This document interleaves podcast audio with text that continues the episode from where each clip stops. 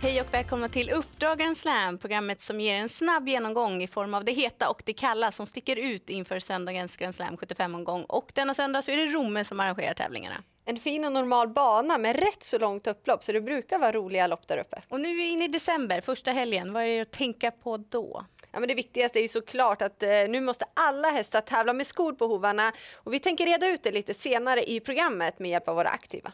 Men först så blir det veckans heta.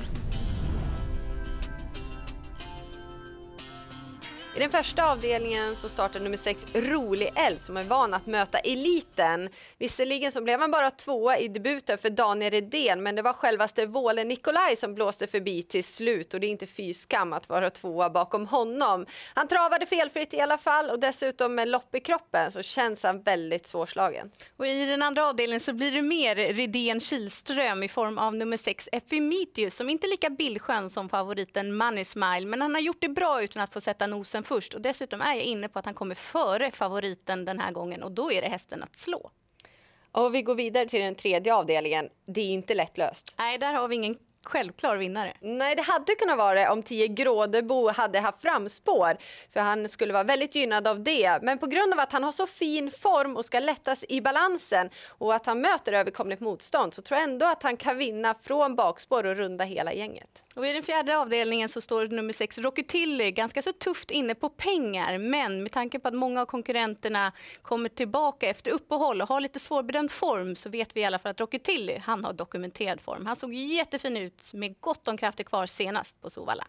Ja, men han är ju en häst som har tävlat barfota på slutet. Men om man backar bandet så vet vi att han har till och med vunnit V75 med skor på hovarna. Ja, han är en av de som hanterar skor på. Det är ju olika från hästar till hästar. Och så här säger våra aktiva kring just skotvången.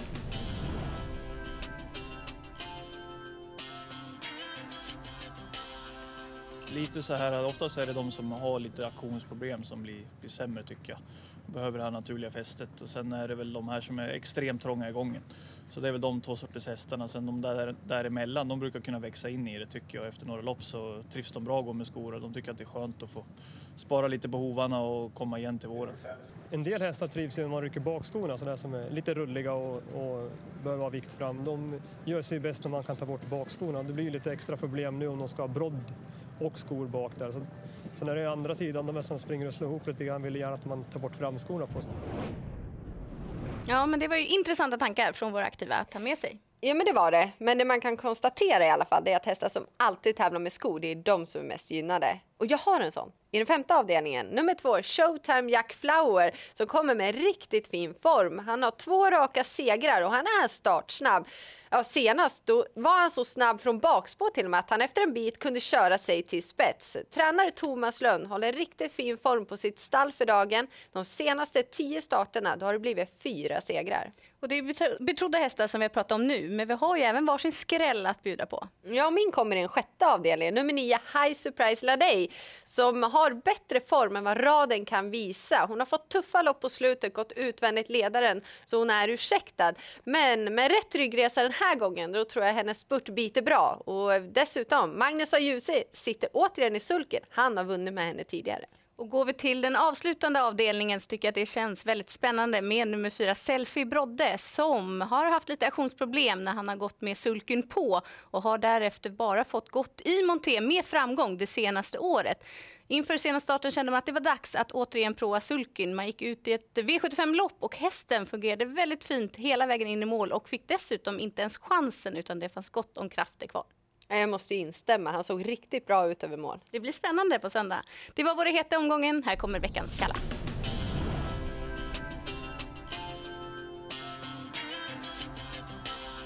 Och vi börjar i den tredje avdelningen med nummer 11, Valleborka, som är väldigt fartfylld för klassen. Men hon är endast tre år gammal och möter äldre konkurrenter den här gången. Dessutom är det ett bakspår och hon har två galopper på hennes senaste fem starter, så hon är inte helt att lita på. Och I den sjätte avdelningen där startar nummer fem Melby Hope. Och hon har startsnabba konkurrenter invändigt så osäkert var hon hamnar. På slutet tycker jag att hon har gått bäst över kort distans och den här gången är det medeldistans. Dessutom så blev det galopp i senaste starten och det är aldrig positivt. Och går vi till den sjunde avdelningen så har vi ju fina nummer nio Galileo Journey som kommer med tre raka segrar. Det man måste tänka på är att alla är tagna från ledningen och totalt sett har han sex segrar i karriären varav fem är från ledningen och en är från positionen utvändigt om ledaren. Det är en klar nackdel för hans del med bakspår då han måste gå ut i spåren och han bryter ner ordentligt i kurvorna. Så den här gången kan det bli strul från det här utgångsläget. Dags att summera ihop våra tankar inför söndagens omgång och överlag så ser det väl kanske inte jättesvårt ut. Det är några starka favoriter, men glöm inte bort skrällen i den sjätte avdelningen, nummer 9 High Surprise Ladej som har vunnit med ljus innan. Och inte heller glömma bort nummer fyra Selfie Brodde, för han fick ju inte chansen senast. Så det ska bli kul att återigen få se han i just sulken. Ja, han såg ut som en riktig nästa gångare. Ja, det gjorde han. Stort lycka till med Grand Slam 75-spelet så ses vi snart igen.